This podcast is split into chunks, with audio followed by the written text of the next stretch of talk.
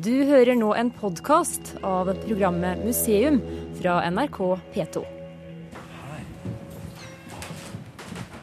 Hør åssen det knirker. Det er nok det originale gulvet også. Er det det? Ja, det her har de flyttet uh, alt.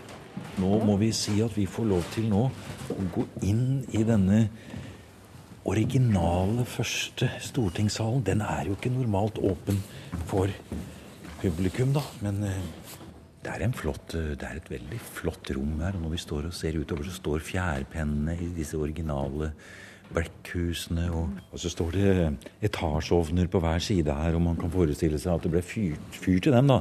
Og det knitret og, og sånn. ja. Og man får også gasslykter når det blir vanlig når Kristiania gassverk eh, åpner. Et klenodium i norsk historie, dette her. Ja, det har jo vært arena for dramatiske begivenheter i norsk historie. Ikke bare høsten 1814, men he he hele utviklingen av vårt demokrati fram til 1854 har jo faktisk eh, skjedd i denne salen. Grunnlovens beskytter, stortingssalen fra 1814 til 1854. Det er Norsk Folkemuseums nye utstilling.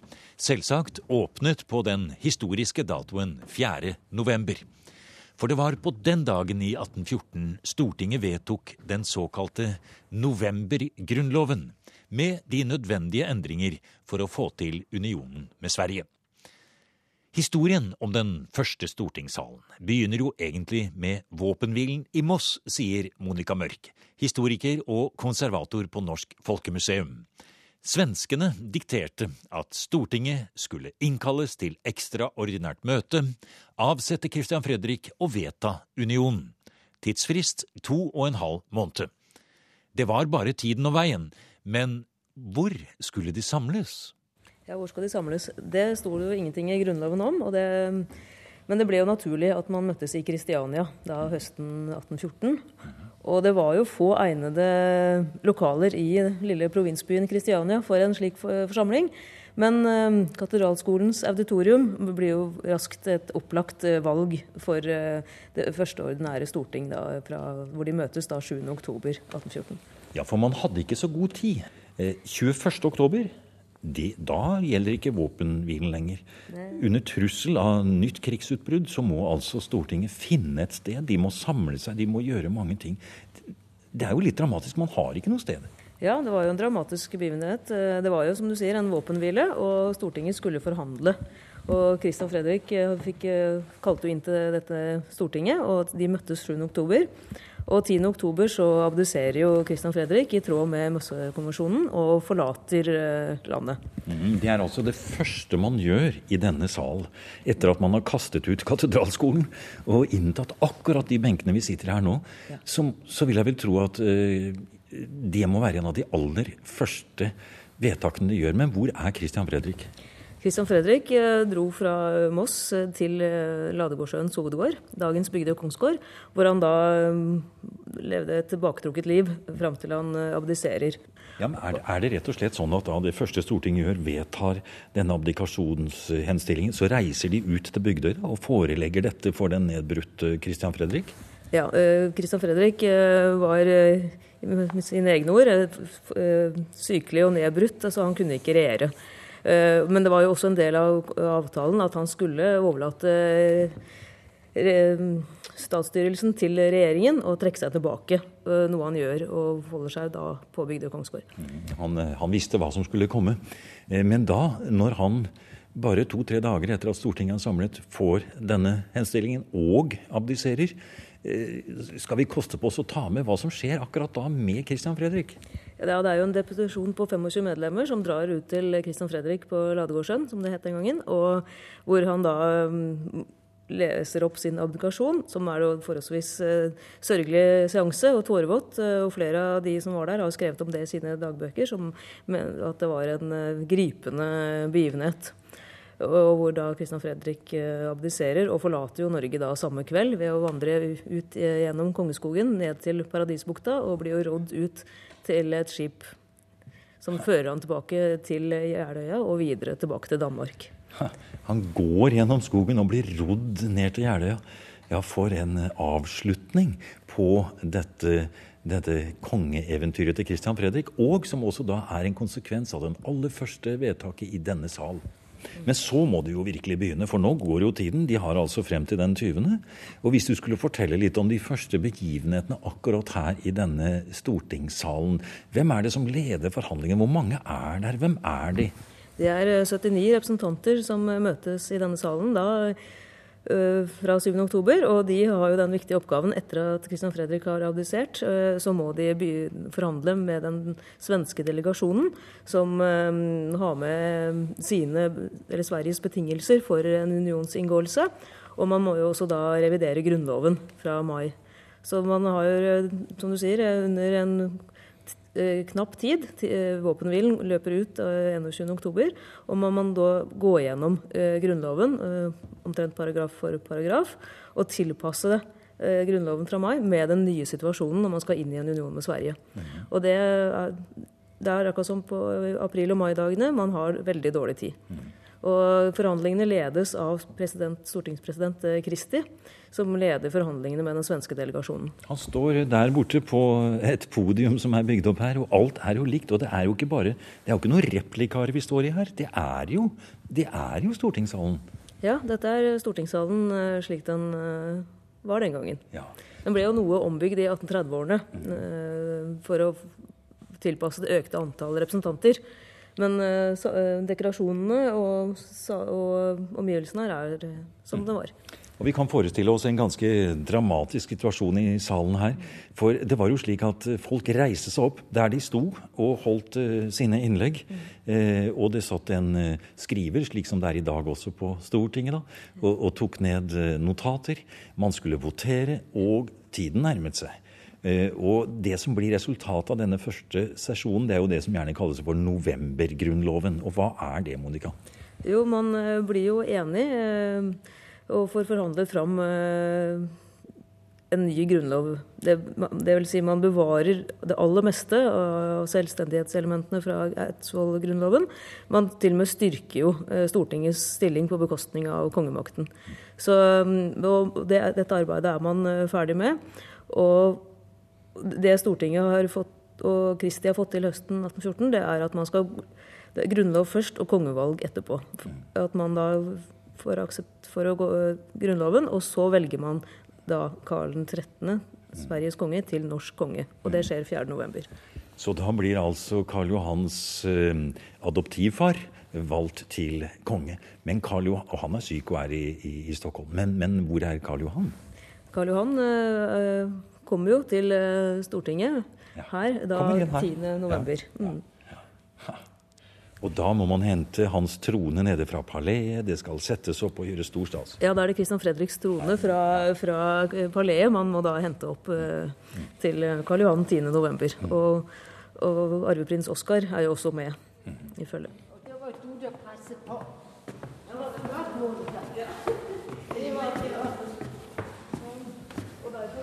Hovedinngangen nå. For ellers blir rullestolbrukere alltid henvist bakveien. ikke sant? Ja. Men da blir det, dette er inngang for alle. Ja. Så her ser vi litt sånn intro om utstillingen, hva man eh, kommer til. Og så langs mesaninen her over butikken så har vi, presenterer vi eh, Stortinget og selvstendigheten høsten 1814. Disse dramatiske begivenhetene. Men her inne i lagtingssalen Ja, for det har lagtingssalen. Ja. Mm, her går vi ned. Selve stortingssalen står slik den har gjort på Norsk Folkemuseum siden den ble flyttet dit til 100-årsjubileet for Grunnloven i 1914, som en sentral del av den nå stengte bysamlingen, og senere, i 1994, flyttet til det som da ble kalt Stortingets hus på Folkemuseet. Men nå presenterer altså Norsk Folkemuseum en helt ny utstilling, med nytt inngangsparti til Stortingsgalleriet, med montre og gjenstander fra Stortingets første år i Dronningens gate 15 har vi jo da en tekstilmonter som er eh, helt ny, og viser gjenstander knyttet til aktivitet i salen. Med, eh, og vedtak fattet i salen. Her har vi denne heroldkappen som jeg nevnte. var herolder som red rundt og kunngjorde, byen, ja. kunngjorde Stortingets åpning. Eh, og de hadde drakter inspirert av middelalderen, kan vi si, fra 1840-årene. Og, og rop, ropte ut, da? Ja. Stortinget ja. åpner om to dager, eller og, og sånn videre. Og de, eh, Riksherolden hadde også et, eh, et bånd og en heroldstav som de brukte ved seremonier.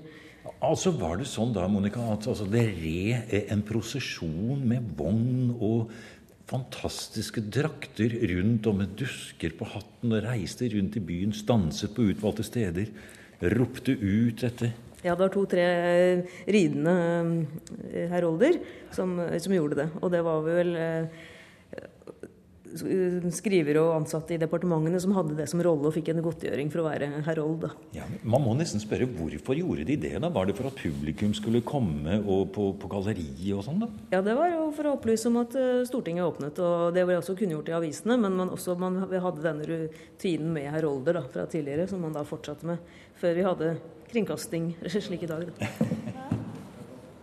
Og her er det jo da om grunnlovskonservatismen igjen. Er det Krog som står her? Ja, dette er da Christian Krog. Grunnlovens bergingsmann, som han ble kalt i samtiden også. For han ledet jo da konstitusjonskomiteen i 1820-årene, da man eh, avviste jo alle Karl Johans eh, forslag om å begynne å endre Grunnloven. Og skape en tettere union da i, i bunn og grunn. Og her har han da fått sitt eh, portrett på en Ja, hva er det for noe, Monica? Det, en, de blir kalt grunnlovsmugge. Det er vel egentlig en punchmugge. Eh, med da Krogs portrett på ene siden et, og et dikt som hyller eh, Krog. Og så er det jo Eidsvollbygningen den 17. mai 1814 som det står på, på den andre siden. Og så er det jo da løven. Løven ligger og hviler på toppen av Pulens-kroken her. Ja, riktig. Samtidig med presentasjonen av utstillingen om den gamle stortingssalen var det også et stort historikerseminar i 1814-nettverket på Norsk Folkemuseum. Forskere fra både Sverige, Danmark og Norge holdt innlegg om folket og eliten i Norge før og etter 1814. Og hvis vi ser litt nærmere på de 79 representantene som i all hast rykket inn i katedralskolens aula i oktober 1814, så var embetsmennene i stort flertall. 50 av de 79 plassene var besatt av det professor i historie Øystein Rian kaller embetsaristokratiet. De hadde universitetsutdannelse fra København og representerte elite og dannelse. I hvert fall slik de så det selv. Dannelsesmessig, altså de var den dannede klassen i landet. Og sånn ble det jo lenge etter 1814 på samme måte. Så det er jo et viktig trekk. Og så var de vant til å styre fra envoldstiden. De hadde jo utøvd styre. Fedrene deres hadde gjort det samme, så, så, det var noe som var en selvfølge for dem å gjøre. Det ga dem stor trygghet og uh, selvtillit. Mm. På, på, mange måter så kan man kanskje si at dette embetsmannsaristokratiet det var en slags eh, ja, kamuflert adel, selv om vi jo ikke hadde adel i Norge på den måten lenger. Ja, jeg ser det akkurat på den måten. Så, og, og, eh, det har jo kommet mye bort i norsk retorikk. fordi at eh, rent formelt så kan en jo si at det var jo lite adel i Norge. Ehm, hadde vært sammenlignet med andre europeiske land og ble jo helt avskaffet da i 1821. Men så, hvis vi bruker et annet eh, begrep, det som er inne i bildet her, aristokrati, så blir det helt annerledes. Og det er jo et generelt begrep som kan brukes om alle samfunn, og som da går på hvem som eh, er i toppen av, av samfunnet, og eh, gjerne slik at det er en betydelig grad av stabilitet kontinuitet i det, at det er de samme slektene som går igjen fra generasjon til generasjon. Hvis vi nå skulle danne oss dette bildet av 1814-samfunnet i Norge, eh, og vi snakker om embetsmennene, så var det jo ikke slik at de bare var en liten staffasje i det norske samfunnet. De var vel egentlig den helt bærende og drivende kraften i det samfunnet som vokser frem i Norge? De ble jo det. Ehm, selvfølgelig fordi at de er eh, byråkratene som styrer til daglig.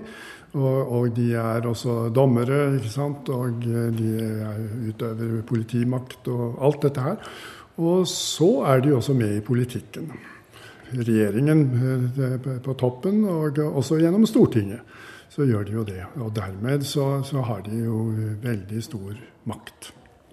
I 1814 og i årene som følger, så er det jo også en eh, dyp eh, økonomisk krise i mm. Norge. Mm. Eh, men det fortalte du i ditt foredrag, det ser ikke ut til å påvirke embetsstanden i særlig grad.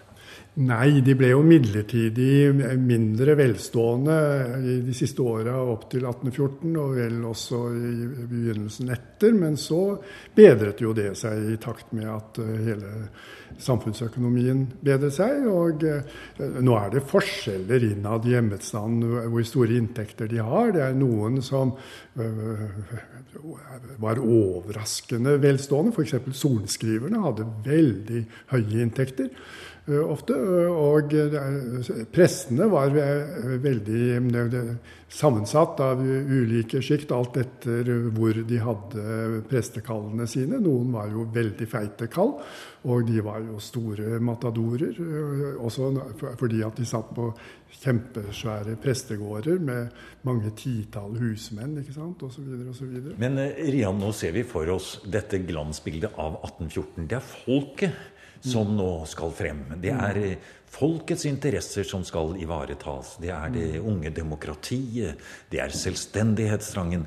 Men det vi ser for oss her, det er jo egentlig en liten gruppe i antall.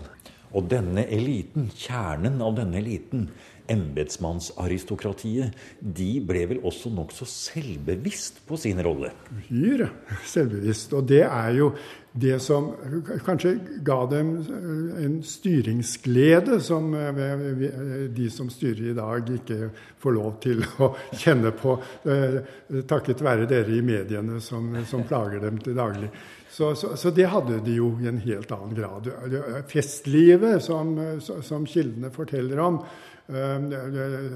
røper jo det. At, at, de var jo glade lakser som, som festet og drakk utrolig mye. Noen vil vel kanskje si Rian, at det er embetsmennene som Eller i dag kaller vi det for byråkratiet, kanskje. Mm. Som fortsatt styrer Norge og oss. Men hvor lenge holdt denne embetsmannsstaten, embetsmannsaristokratiet, seg nær sagt ved makten i det nye norske 1814-samfunnet? Embetsmannsregimet eh, varer jo fram til 1884. Så fram til da så har jo ikke Stortinget innflytelse på sammensetningen av regjeringen, og regjeringen er jo eh, på toppen av eh, embetsverket. Og, og, det er embetsmenn som sitter i regjeringen. Det er kongen som, eh, som, plukker ut dem helt fram til 1884, men etter 1884 må han jo ta hensyn til flertallet på Stortinget. Så da blir det jo i hvert fall det annerledes. Men det er jo klart, det var jo ikke som å knipse med fingrene, og vips, så var denne embetsstanden borte vekk. Eh, så de, de, fortsetter. Vi hadde jo ikke noen eh, revolusjon i Norge. Så, så, så, men, men, det var jo en nyrekruttering. Mer og mer nyrekruttering. Særlig utover på 1900-tallet. Av folk fra andre og lavere sosiale sjikt. Folket og eliten var temaet for historikerseminaret på Folkemuseet. Så vi gir oss ikke. Hvor har det blitt av folket? Vi spør professor Tore Pryser. Ja, altså folket i 1814 er jo da eh, først og fremst husmannsfolk og eh, gardbrukerstanden. Altså det er to grupper. Eh, ofte omtalt som bønder alt sammen, men det er veldig stor forskjell på, eh, dem. De som fikk stemmerett i 1814, var gardbrukere. De som satt på matrikulert jord. Husmannsfolk fikk ikke noe stemmerett. Og jeg har eksempel på i 1814 at også husmenn eh, møtte opp hos Christian Fredrik her ute på Bygdøy og, og forlangte at husmannsplassene deres skulle bli selveiebruk, slik at de også, også fikk stemmerett. Men det skjedde jo ikke. Husmenn fikk jo stemmerett først i 1898, da det ble alminnelig stemmerett for menn. Men de krevde det allerede i 1814, altså antagelig inspirert av det som skjedde på, på Eidsvoll. Da. Det ligger og, og, skal vi si ulmer en radikalisme i dette miljøet? Det finnes et miljø, eh, i hvert fall i Oppland, som jeg oppdaga nå, som er lite påakta av forskning. Og det er eh, personer som kan være underoffiserer, korporale sersjanter. Samtidig kan det være bygdedoktorer. Det kan også være omgangsskolelærere. Eh, og, og, noen er, er, folk som kan svarteboka, altså, og de kan skrive, altså penneføre. Eh, vi finner dem igjen i rettsprosesser av både viktig og uviktig slag. Men de, eh, de mener noe om, eh, om, det som skjer i 1814. Og én som fremmer et, et meget radikalt forslag på Eidsvoll, Det er en sersjant og bygdedoktor som heter Engebrett Nordrum fra, fra Ringebu. Og uh, Han står i spissen for tolv gudbrandsdøler. Uh, og han uh, krever rett og slett at embetsmennene ikke skulle ha stemmerett til Stortinget. Og, og når det gjelder valgene, altså, og det var jo uhørt på, det, på denne tida at ikke embetsmennene skulle ha stemmerett. Men, for, for, det, for, det, er en linje i det, Tore. Det er en linje i bøndenes radikalisme og småbøndene og husmennene og de du forteller om og gir oss et bilde av nå. De liker ikke embetsmenn. Nei, altså embetsmenn er dyre, ikke sant. Det er litt Fremskrittspartiet også der. Man skal begrense kostnadene. Altså embetsmenns pensjoner, embetsmenns lønn, det skal holdes nede. Embetsmenns eh, inntekter, altså de hadde inntekter i form av sportler, altså avgift på hver, eh, på hver embetshandling.